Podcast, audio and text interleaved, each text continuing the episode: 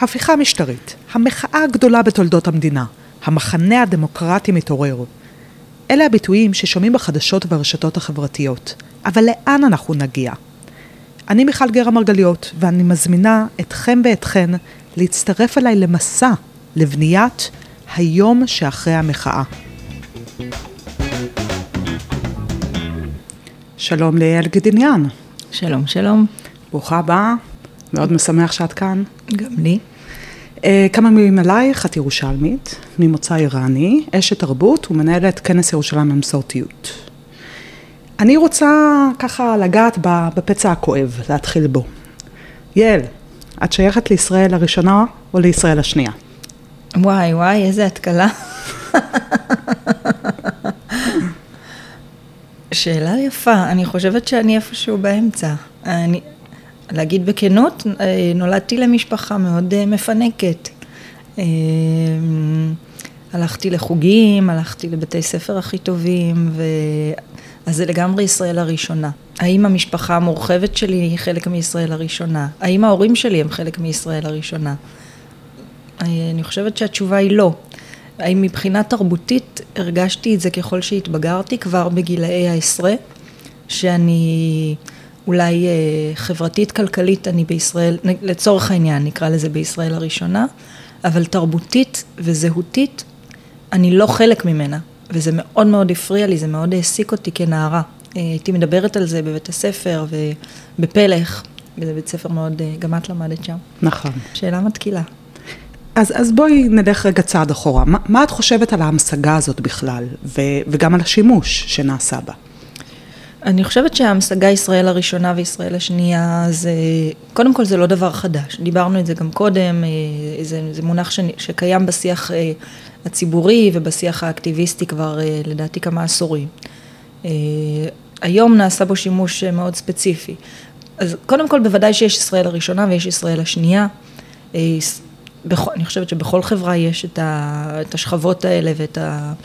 אה, ההמשגה מאוד, מאוד רלוונטית, כי כן, יש גם, אה, גם מעמדות כלכליים, ולצערי יש overlap, כאילו יש איזושהי אה, התאמה של המעמדות הכלכליים האלה לאתניות ולזהות, בכל מיני מובנים, גם זהות דתית, גם זהות אתנית וכולי.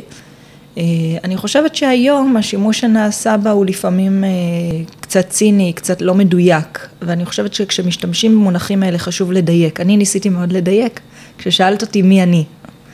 כן. אה, וזה, אז ככה, כאילו להגיד בדיוק, גם בכל ההיבטים השונים של הדבר הזה. אה, חשוב לדבר על זה כי יש אנשים שזה באמת פצע, את פתחת ואמרת פצע, זה פצע אמיתי, זה פצע שותת דם, והוא אחד הפצעים שממש נמצאים בבסיס של מה שאנחנו חווים עכשיו בישראל. הסיפור בעיניי הוא לא באמת עכשיו אה, המשפט ככה, או מי יהיה בוועדה לבחירת שופטים, זאת אומרת, זה גם סיפור, וזה גם חשוב, אבל זה לא הסיפור, הסיפור הוא הפצעים שמתחת, השסעים ההרבה הרבה יותר עמוקים, שהם קשורים בישראל הראשונה והשנייה, ובזהויות, וב, ובכל מיני מערכות שמשמרות את, ה, את החלוקה הזאת בין ישראל הראשונה לשנייה, שלא לדבר על ישראל השלישית והרביעית והחמישית, שאף אחד בכלל לא מדבר עליהם כן. בהקשר הנוכחי. זאת אומרת, הכיתוב הרי בעצם mm-hmm. אפשר לטעון בין ישראל הראשונה לישראל השנייה. בהרבה פרמטרים זה באמת נכון. כן, אני חושבת שכן. זאת אומרת, הקו שבר הוא סביב הדבר הזה. עכשיו, אומרים הרבה אנשים, והם, והם צודקים, הרבה אנשים אומרים, אה, יש כבר, אה, אה, יש מעמד ביניים מזרחי לצורך העניין, הרבה דברים השתנו, אה, אנשים התפתחו כלכלית, וזה נכון מאוד, התפתחו חברתית כלכלית, כן, בהתאמה.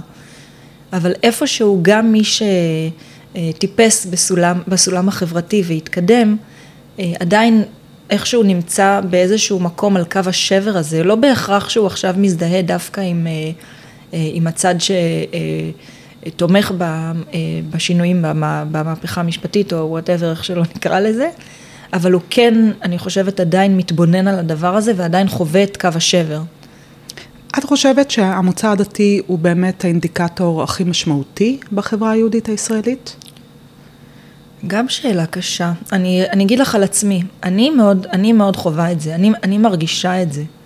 אה, אני מרגישה שקודם כל מעניין אותי עדיין לדעת לגבי אנשים, אה, מאיפה הם באים, מי, מי ההורים שלהם, מי הסבים והסבתות שלהם, מתי הם הגיעו לארץ, מה החוויה התרבותית הקיומית שלהם מלידה, מילדות. אה, ואני חושבת שאני מנכיחה את זה, אני, אני לא מתביישת לדבר על זה, ויש הרבה אנשים שזה גם מעניין אותם, אבל זה כאילו כזה מתחת לרדאר, כאילו הם לא באמת ישאלו, כאילו, את יודעת, גם בדור שלי כבר לא שואלים מישהו, מאיזה עדה אתה? אבל כן אנשים עדיין ינסו אולי להבין משם המשפחה, מהקונטקסט, ולכן אני אומרת, עצם זה שזה מעניין אותנו מראה כמה זה רלוונטי, כי זה כן. מספר סיפור של בן אדם. עכשיו, תמיד זהות מספרת סיפור של בן אדם, אבל במקרה שלנו, היא בעצם גם מספרת הרבה על ההקשר החברתי, אה, ואולי גם, כן, אולי גם בהקשר הפוליטי, בעצם מה זה אומר שאתה שייך לתרבות מסוימת, לזהות מסוימת.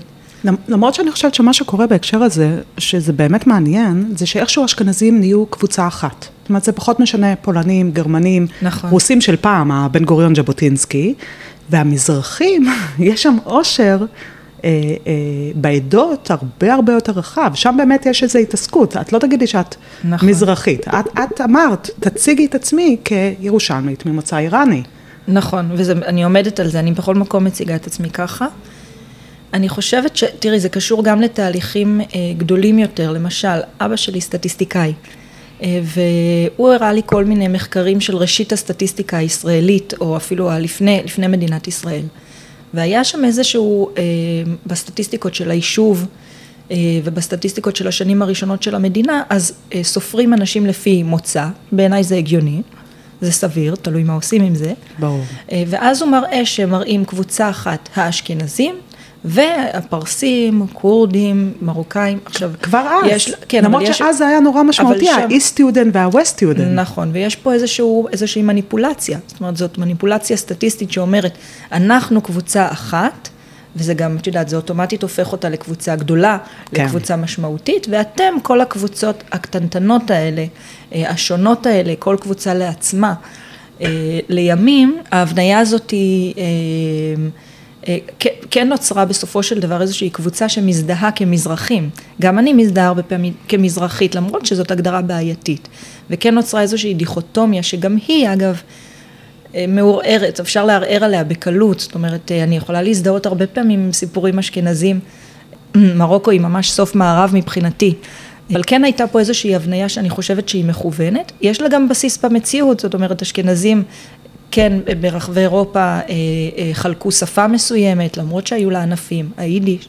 חלקו כנראה איזשהו מוצא משותף מאזור אשכנז, זאת אומרת... כן, אבל, אבל הייתה היררכיה ברורה, כן, כן, ש, אבל... שהיום די נעלמה. די נעלמה, נכון, זאת, זאת אומרת, בוודאי שלכתחילה, כן, אנשים היו אומרים, אני הונגרי, יש לי את המאכלים שלי, את, ה, את הסיפור ההיסטורי שלי, את ה, איזה שהם חוויות חיים משותפות, וכאילו עשו פה איזשהו מישמש כזה, איזושהי נכון. האחדה. ההונגרים אולי טיפה נשארו, אני שמינית הונגריה, וסבא שלי, שהוא היה חצי הונגרי, היה אומר שזה כמו טיפה של דיו שמחתימה את כל הדלי.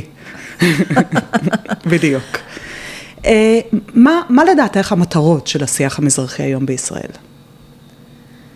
הרי יש אקטיביזם מאוד משמעותי בתחום. יש עדיין אקטיביזם מזרחי ויש גם התחדשות. למשל הקולקטיב המזרחי-אזרחי שהוקם לאחרונה והוא סוג של מחדש את המאבק. יש גם עדיין אה, ארגונים פעילים. המאבק המזרחי לדעתי בעשורים האחרונים עסק הרבה בתרבות.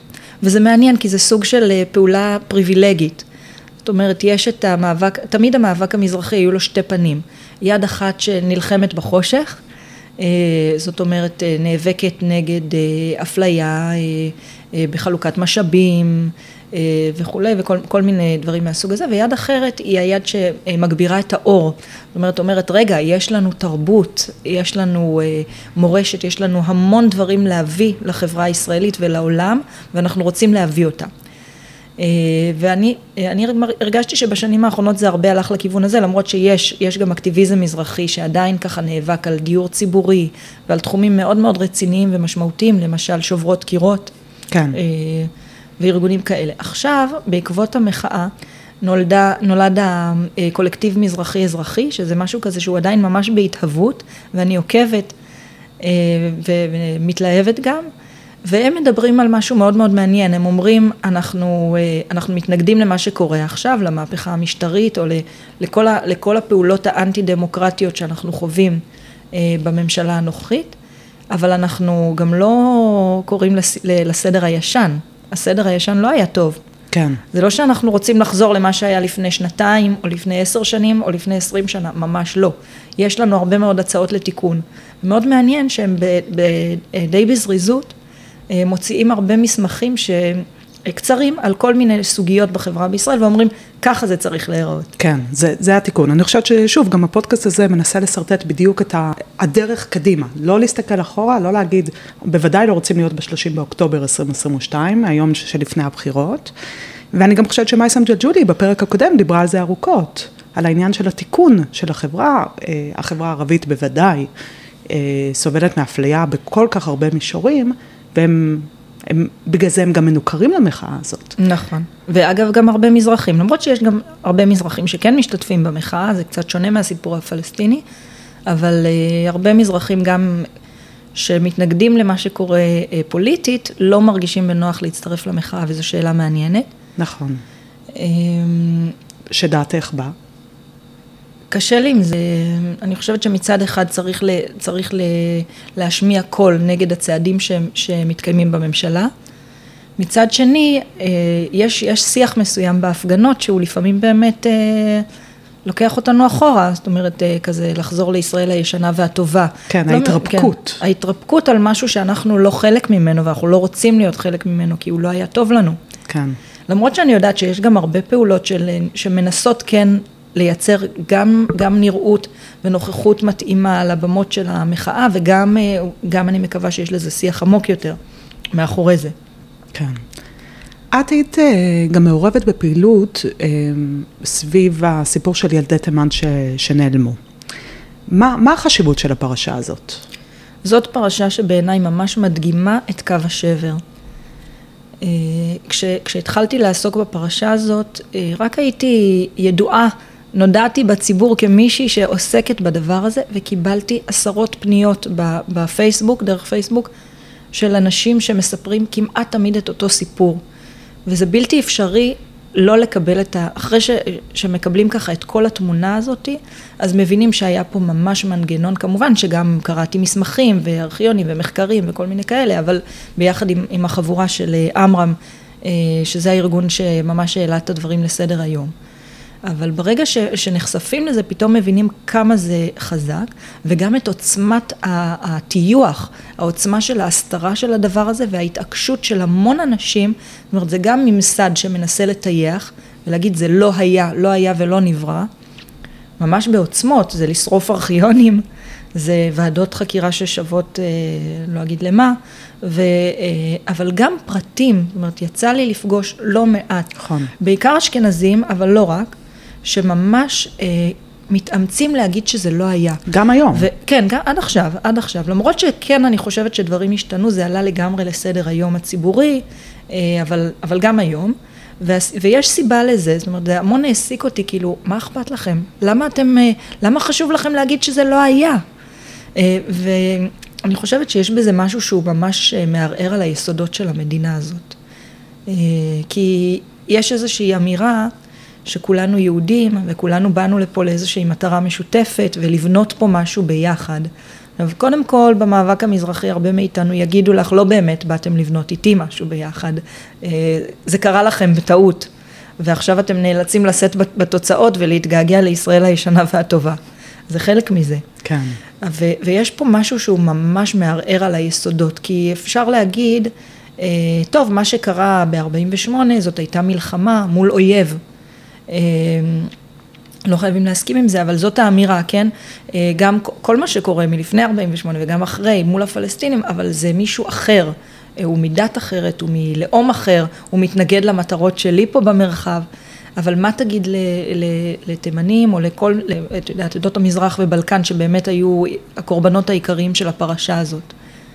ואני חושבת שההסתרה, גם אם היא ממש מכוונת וממסדית ומרושעת כזאת, וגם אם היא סוג של נאיבית של אנשים מהיישוב, היא נובעת מזה שיש איזה פחד שאם באמת נסתכל לדברים בעיניים ונבין שבצורה מכוונת לקחו ילדים ממשפחות מזרחיות ואמרו אנחנו ניתן להם חיים יותר טובים אה, במשפחות אשכנזיות בלי לשאול את ההורים, זה ממש מערער על היסודות של המדינה הזאת ועל ה, על ה, על מה אנחנו בכלל עושים פה ביחד, אם זה מה שהיה. אה, הסיסמה של עמרם, של הפעילים והפעילות בתחום, היא הכרה, צדק, ריפוי. מרכיב ההכרה הוא, הוא מובן, גם, גם התייחסת אליו עכשיו. מה משמעות הצדק ואיך אפשר להגיע לריפוי? שאלות יפות. אז, אז קודם כל הכרה, רק אני אדגיש, עוד, אני לא חושבת שזכינו להכרה. נכון, נכון. הזאת. כן, אז הוא מרכיב חשוב, דיברנו על זה. כן. אני, זה, הוא פשוט, אני, אני חושבת שהוא יותר מובן. כן, אז כן, אז קודם כל ההכרה, שאגב היא חשובה, היא חשובה לשלב הבא, לריפוי. אמ, המרכיב של הצדק, אה, זאת שאלה, זאת אומרת, אה, לא יחזירו את הילדים, הרבה מההורים ואפילו חלק מהילדים כבר כנראה אינם. אה, יש פה איזשהו מרכיב, אני חושבת, של פיצוי כלשהו, זאת אומרת, חלק מההכרה גם, זה להגיד, אלה המשפחות, יש לנו כן מסמכים שנשארו, יש כן עדויות, אנחנו רוצים לקחת את כל המשפחות שטוענות איזושהי טענה ולתת להן סוג של אה, לעשות איתם סוג של צדק, שאולי הצדק הוא בעצם ההכרה. זאת אומרת, אה, לא, אולי גם איזשהו פיצוי אה, כספי, יש, את יודעת, יש כללים של משפטים שמתעסקים עם דברים כאלה, כמו פיצוי על כל מיני עבירות מהסוג הזה, זה חלק מאוד מאוד חשוב גם כן. וריפוי, הריפוי הוא באמת יכול לקרות אחרי ההכרה והצדק, או תוך כדי תהליך כזה. אה, והריפוי הזה הוא בעצם, אה, הוא לא רק ריפוי למשפחה שנלקחו ממנה, נלקח ממנה ילד, שאגב מי שיקבל את הריפוי זה הרבה פעמים האחים של, אפילו האחיינים של, אבל זה פצע משפחתי שותת דם שלדעתי כל הדורות הלאה מרגישים אותו. כן. וזה חשוב כי זה, זה מה שהתחלתי לומר, זה לא רק ריפוי אה, משפחתי, אלא זה בעצם ריפוי קהילתי וריפוי ממש של כל החברה. ואני חושבת שזאת יכולה גם להיות דוגמה להרבה דברים אחרים. כן, איכשהו הפרשה הזאת היא גם נהייתה, היא סמל. כן, היא סמל כי היא באמת מאוד קיצונית. אה, וגם, וגם שוב, עוצמת ההתעלמות היא, וה, וההסתרה מאוד מאוד חזקה. כן. אה, אבל, אבל כן, היא סמל, את יודעת, לזה ש... אה, הרבה פעמים כשאני מדברת עם, אה, עם יוצאי תימן, אז הם אומרים, לקחו לנו את התינוקות, אבל לקחו לנו גם את ספרי התורה, לקחו לנו גם את התכשיטים, לקחו לנו כל מיני דברים, זאת אומרת, אוצרות תרבות, שזה, שוב, זה מעבר לערך הכספי שלהם, זה, זה לנשל בן אדם מכל מה שיש לו, עד הילדים. כן. רוב הפעילות שלך היום מוקדשת לקידום תנועת המסורתיות בישראל. מי הוא הציבור המסורתי? הציבור המסורתי אה, בעיניי זה, אה, זאת אוכלוסייה שאיכשהו למרות שהיו עליה, הופעלו עליה מכבשים מימין ומשמאל נקרא לזה לאורך אה, כל העשורים של מדינת ישראל, הוא נשאר נאמן לאיזשהו, לאיזשהו יסוד שזה היסוד המסורתי הזה. אני חושבת שהמסורתיות זה קודם כל קביים לשימוש, פשוט להגיד יהדות ויהודים. אה, גם, גם באירופה וגם אה, בכל, בכל העולם, אני חושבת שרוב היהודים היו בעצם מה שאנחנו קוראים לו יהודים מסורתיים. זאת אומרת, יהודי נורמלי, שלא מתמיין בהכרח, לא, ש, לא שחלילה מי שכן מתמיין הוא לא נורמלי, אבל הכוונה היא יהודי פשוט. שהוא לא בהכרח מתמיין לאיזושהי קטגוריה או לאיזשהו אה, זרם יהודי, ו, וחי בשלום עם, מה שנקרא, חי בשלום עם אלוהיו, זאת אומרת, הוא יכול תקופות מסוימות אה, להיות יותר רחוק, תקופות מסוימות להיות יותר קרוב, לפעמים יותר ללמוד תורה, לפעמים יותר להקפיד על קיום מצוות, אה, אבל הוא מכבד את הדברים האלה גם כשהוא רחוק. כן. יש איזשהו כבוד בסיסי ואיזשהו רצון להיות חלק. ו- ואיך אה, הציבור הזה נראה מבחינה דמוגרפית? זהו, אז כאן בישראל קרה משהו שהוא גם קשור לתהליכים שקרו באירופה ובארצות הברית, שמי ששימר את הזהות הזאת אלה בעיקר יהודים יוצאי ארצות האסלאם. ולכן המסורתיות מזוהה עם מזרחיות. כשהזכרתי קודם את המכבשים, אה, אז בישראל אה, קודם כל יש, אה, לצערי, אין זרם חינוך אחד, ממלכתי אחד, יש את החינוך הממלכתי דתי ואת החינוך הממלכתי שהוא לכאורה חילוני, למרות שזה לא נאמר בשם שלו. כמובן יש גם את הזרמים האחרים, הזרם הממלכתי הערבי והזרם, הזרמים החרדיים. כן, הממלכתי הערבי הוא חלק מהממלכתי, הוא לא זרם נפרד. נכון, זה בעצם אותו תוכן, אותו... אותה תפיסת עולם. ו... אגב, לא בכדי, לא רצו לייצר שם זרע נפרד, כמו הסיבה שיש כל כך מעט אנשים שהם בממלכתי חרדי, כי העסקנים של הציבור הזה לא מעוניינים שהילדים ילמדו בכלל במסגרת ממלכתית. נכון. עכשיו, החלוקה הזאת לממלכתי ולממלכתי דתי, באופן היסטורי לא נתנה מענה לציבור הזה. את יודעת מה, יכול להיות שלפרקים היא כן נתנה מענה, בחינוך הממלכתי כן לומדים, אה, לומדים הרבה על, אה, על אה, היסטוריה, תרבות, קצת טקסטים מכוננים של היהדות בוודאי.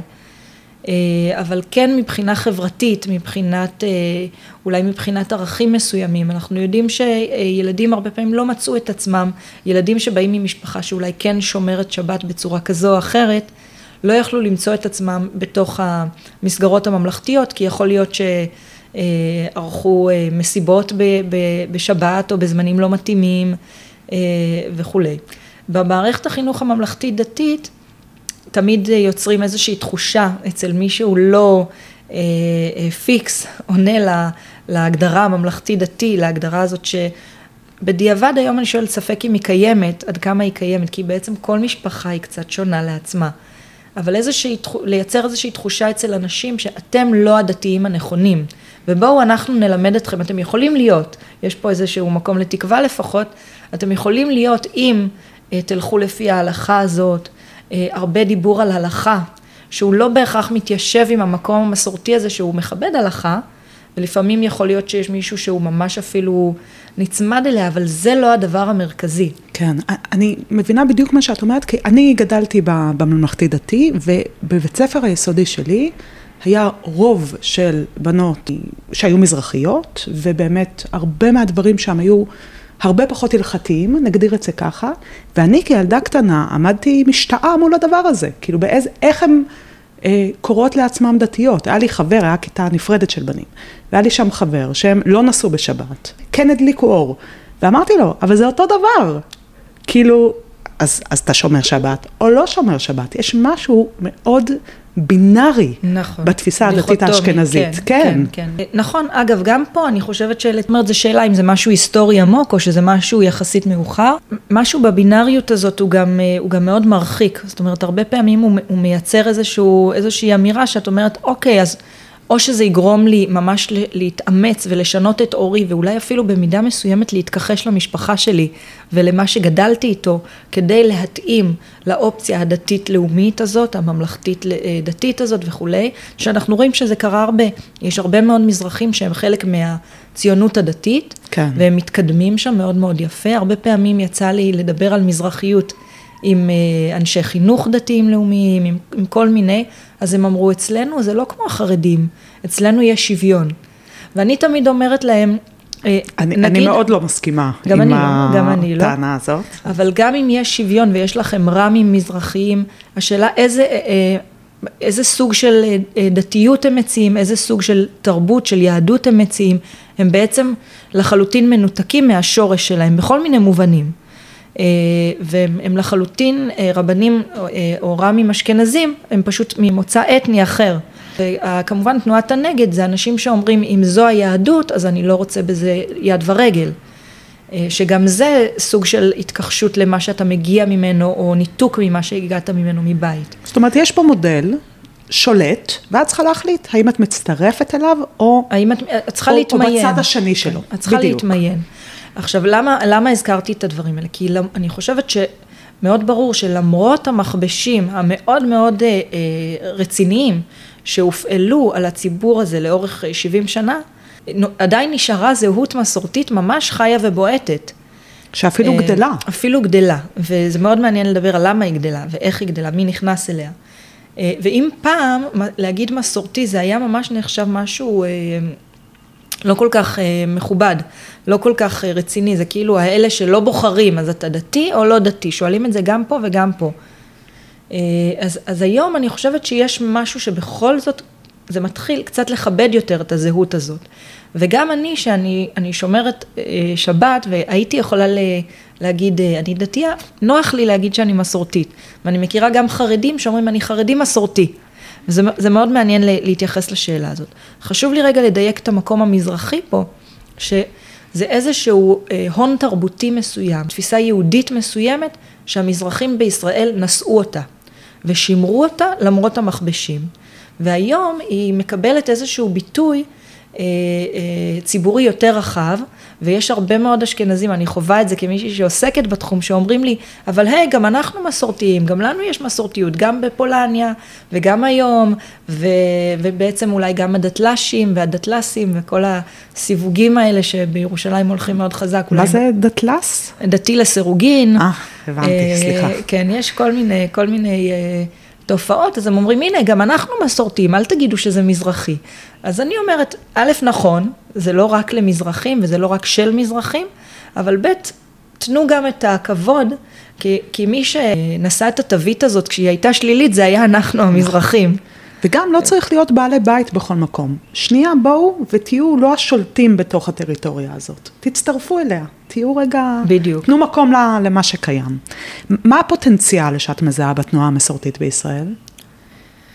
אה, אני חושבת שיש בה פוטנציאל באמת לשבירה של אותה בינאריות שדיברנו עליה, בסוגיות של דת ומדינה, אני חושבת שאפשר למצוא הרבה מאוד פתרונות שהם מאמצים את, ה, את התפיסה המסורתית הזאת. אני חושבת שזה דורש הרבה פיצוח ופיתוח רעיוני. זה עדיין מאוד ראשוני. מאיר בוזגלו טבע את ה... פרופסור מאיר בוזגלו טבע את המונח הזה לפני 20 שנה, בספר שלו שפה לנאמנים, והתחיל לפתח את התפיסה הפילוסופית של הדבר הזה. אבל מאז יש, יש על זה כתיבה של כל מיני הוגים, ואני חושבת שזה צריך להיות, לא, לא להישאר רק אצל הוגים, אלא גם אקטיביסטים ופעילים חברתיים אה, ואנשים מהשטח, אנשי חינוך, צריכים לעסוק בשאלה איך המסורתיות, אבל, אבל זה הפוטנציאל שאני מזהה, זאת אומרת איך המסורתיות יכולה לעזור לנו לפתור סוגיות שעל פניו נראות בינאריות כאלה, כמו אה, אה, נפתח את המקומות בילוי בשבת או נסגור אותם, אה, כן תהיה תחבורה ציבורית או לא תהיה, ויכול להיות שהיא יכולה להציע מודלים הרבה יותר רכים ומשתנים וגמישים, יש איזו גמישות אה, גם בהלכה. אגב, גם הגמישות הזאת היא מזוהה הרבה פעמים עם ההלכה הספרדית מדורי דורות. ופה זה לא רק העניין הסוציולוגי של העשורים האחרונים. כן. אני רק ככה זורקת את זה.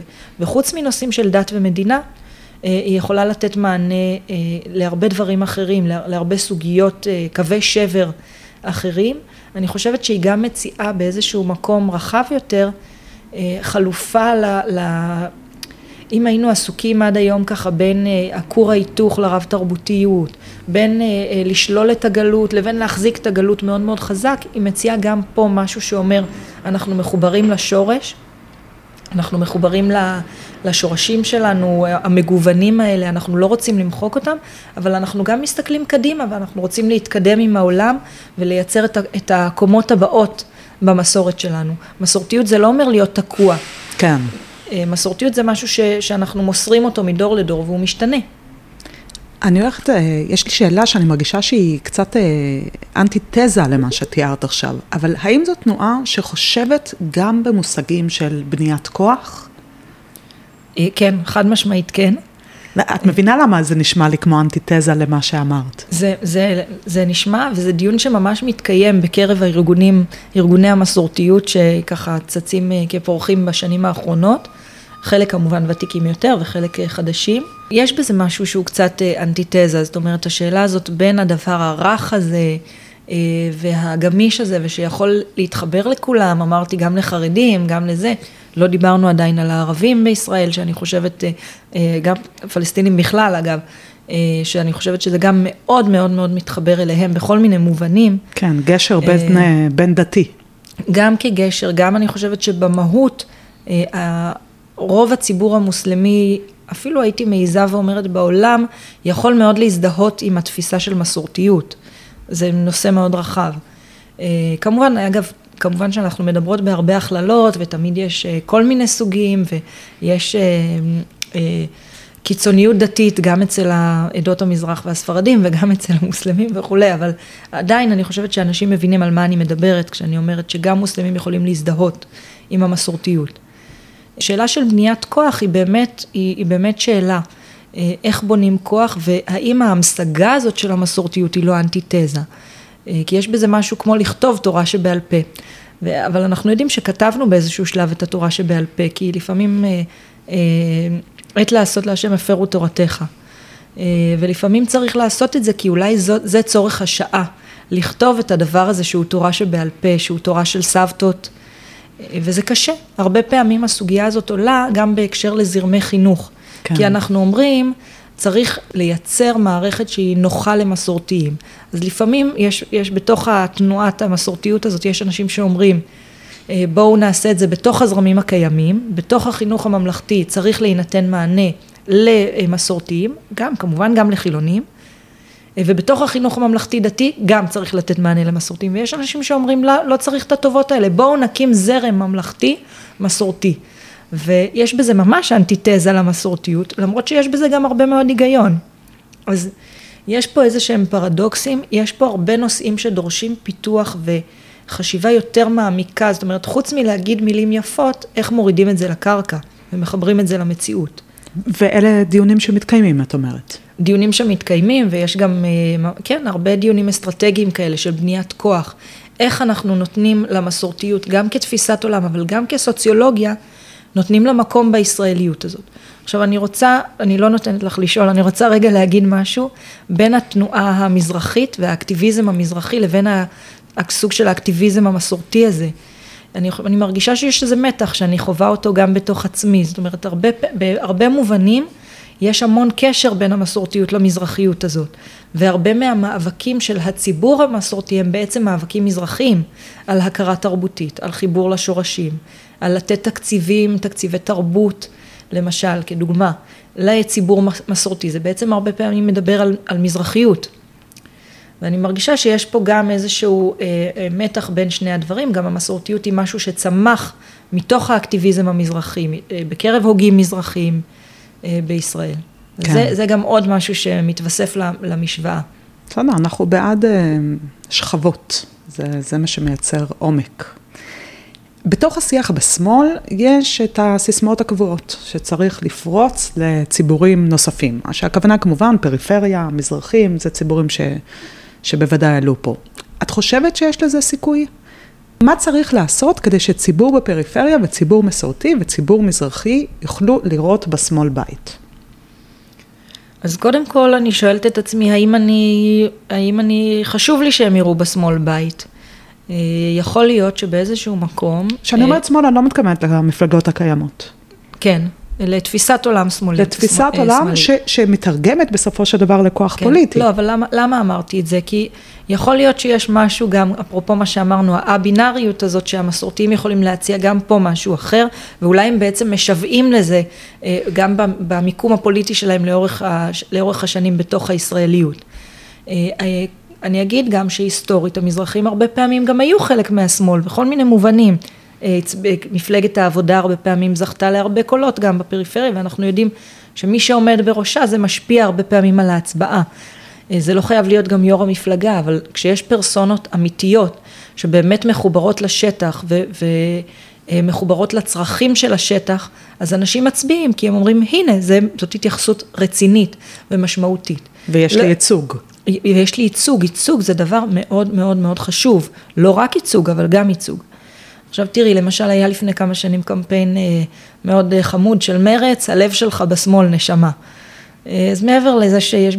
את אומרת חמוד, לא חמוד לא כולם קראו לזה חמוד. חמוד ומתנשא, נכון, זה גם יש בזה משהו מן ההתנשאות, וגם הנה במפלגת מרץ היו פעילים, אה, אה, אה, פעילים מאוד מאוד רציניים, יש עדיין, כמו אבי דבוש, כמו אבי בוסקילה, ש, אה, שהם לא הגיעו למקומות היותר משמעותיים בהובלה של אה, מפלגת מרץ.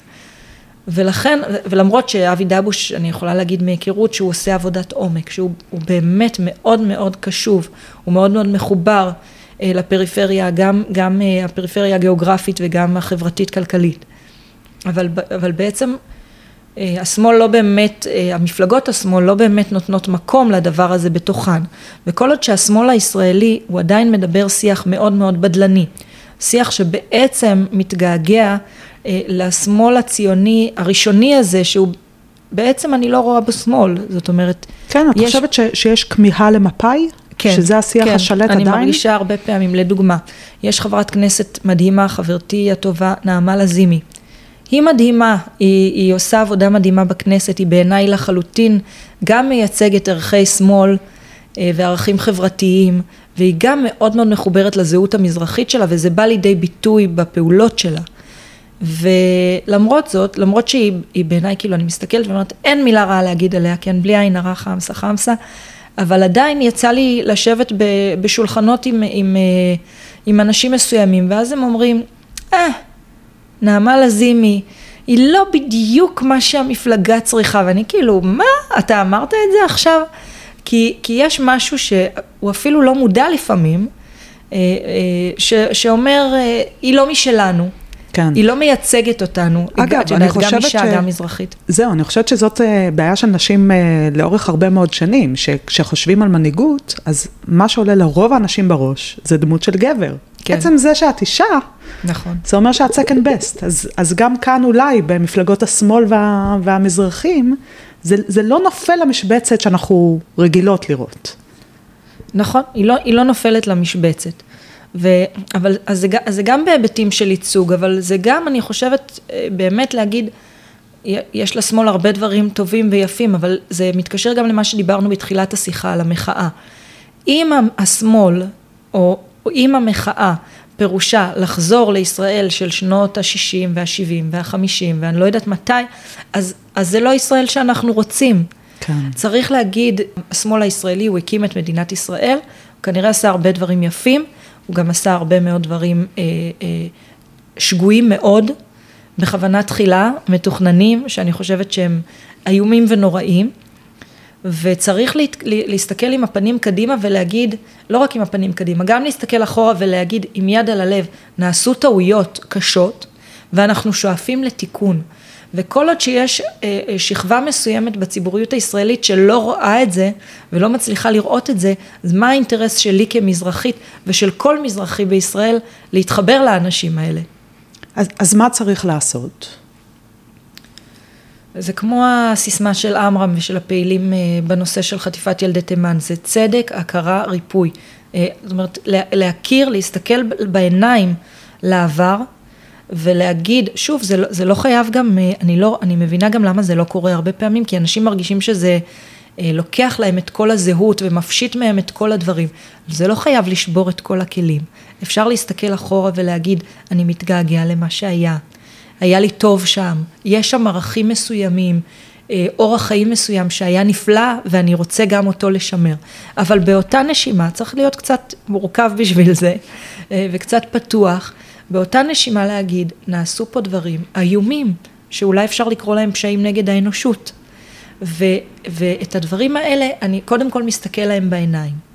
והדבר הזה לא, לא נעשה, אני לא, הוא נעשה לפעמים בקטנה. אגב, ההתנצלויות המפורסמות כן. של אהוד ברק. אמ, סליחה. או, כן, או כל, כל מיני דברים כאלה. זה חשוב, זה חשוב בכל, בכל מיני מקומות בעולם, כשיש אה, שסעים ויש סכסוכים ויש אה, עוולות. זה מאוד מאוד חשוב, ההתנצלות הזאת. אה, ההכרה הזאת. אני חושבת שהיא חשובה רק אם היא באה יחד עם צעדים נכון, לתיקון. נכון, נכון. אז זה ההכרה הזאת, וזה צדק. צדק זה אומר, גם היום שטחי שיפוט מחולקים בצורה לא נכונה, גם בין מזרחים לאשכנזים. את מדברת על, ה, על המוניציפלי. כן, כן, כן, כן. הדבר, יש להם המון השפעה, את יודעת, אני לא יודעת, אנש, לא כל האנשים מודעים לזה, אבל החלוקה לשטחי שיפוט, יש המון השפעה על מי מקבל ארנונה ומי מקבל אה, אה, כסף, ואז יש מועצות שכל הזמן הולכות ומתעשרות, ומועצות שהן מרוששות. שזה ממש היה מהמאבקים הראשונים של הקשת המזרחית. נכון, נכון. אז, אז אה, אגב, הדבר הזה אפשר להעתיק אותו גם לשיח אה, ערבי-יהודי בתוך ישראל, כי גם פה יש המון סוגיות של, אה, של דיור שקשורות לעניין הזה. אז, אז זה צריך להיות קודם כל הכרה, להסתכל אחורה ולהגיד, היה טוב, אבל היה רע. ומפה להגיד, אוקיי, איך אפשר לתקן את זה? ואני חושבת, זה, זה תהליך ארוך, אלה דברים ארוכים, אבל זה גם לא צריך להסתכל על זה כעל משהו בלתי אפשרי, צריך כל פעם לקחת, אה, זה צעד צעד, כן? כל פעם לקחת איזו סוגיה ולטפל בה. כן. אנחנו עוברות לפינות הקבועות. אז קודם כל פינת הציבור, איך מאזינות ומאזינים יכולות ויכולים להצטרף לפעילות, מה ניתן לעשות בתרומה, בהתנדבות. אה, שאלה מצוינת. אה, בתחום של המסורתיות אני חושבת שכדאי מאוד לעקוב. יש לנו, אני מנהלת כנס שנתי שנקרא כנס ירושלים למסורתיות, הוא מתרחש אה, אחרי החגים, ככה בסביבות אוקטובר כל שנה, אפשר לעקוב אחרינו בפייסבוק, אחרי תנועת תיקון, אחרי יד בן צבי, ולהגיע לכנסים שלנו, להשתתף, לקחת חלק בשיחה הזאת. זה אחד. שפתוחה לכולם ולכולן. כן, בהחלט, ואנחנו רוצים גם את ה... אנחנו רוצים את ההשתתפות, אנחנו רוצים את השיח הציבורי סביב הדבר הזה. אה, אני חושבת שכל המאבקים שהזכרנו פה, כמו עמרם, כמו אה, אה, שוברות קירות, של פעולות שבאמת עוזרות לאנשים קשי יום, בהישרדות היומיומית שלהם, בכל מיני מובנים, אז אפשר לתרום להם תרומות באופן קבוע.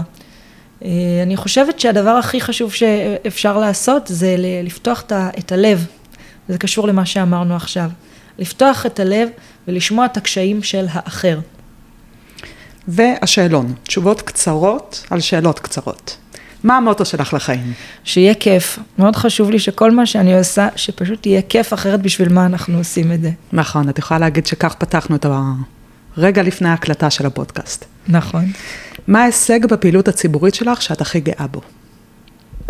האמת שההישג שאני הכי גאה בו זה הישג אה, מאוד אישי. זה קשור אה, למה שדיברנו עליו בפתיחה, כיהודייה איראנית. ההישג הכי משמעותי שלי זה שהצלחתי להיות חוליה בשרשרת. הצלחתי להיות מחוברת למסורת ולתרבות ולהיסטוריה של יהודי איראן, למרות שלמדתי פה ובקושי הגעתי לחומרים האלה, ואני מצליחה גם טיפין טיפין להעביר את זה הלאה. זה ההישג הכי חשוב שלי בחיים. אם היית שרה, איזה משרד ממשלתי היית רוצה? שרת התרבות. זה כולל גם את הספורט, אבל אדרבה. כן. אני אעזור לך שם. ושאלה אחרונה, האם את פמיניסטית? ברור שאני פמיניסטית, נולדתי פמיניסטית, חד משמעית. יעל גדיניאן, אשת תרבות, מנהלת כנס ירושלים במסורתיות, תודה רבה שבאת היום. תודה מיכל. תודה רבה גם לכם ולכן שהייתם איתנו. אם הפרק הזה עניין אתכם, שילחו אותו לחבר או חברה. תירשמו לעדכונים באפליקציית הפודקאסטים החביבה עליכם, ותנו חמישה כוכבים לפודקאסט. זה יעזור מאוד.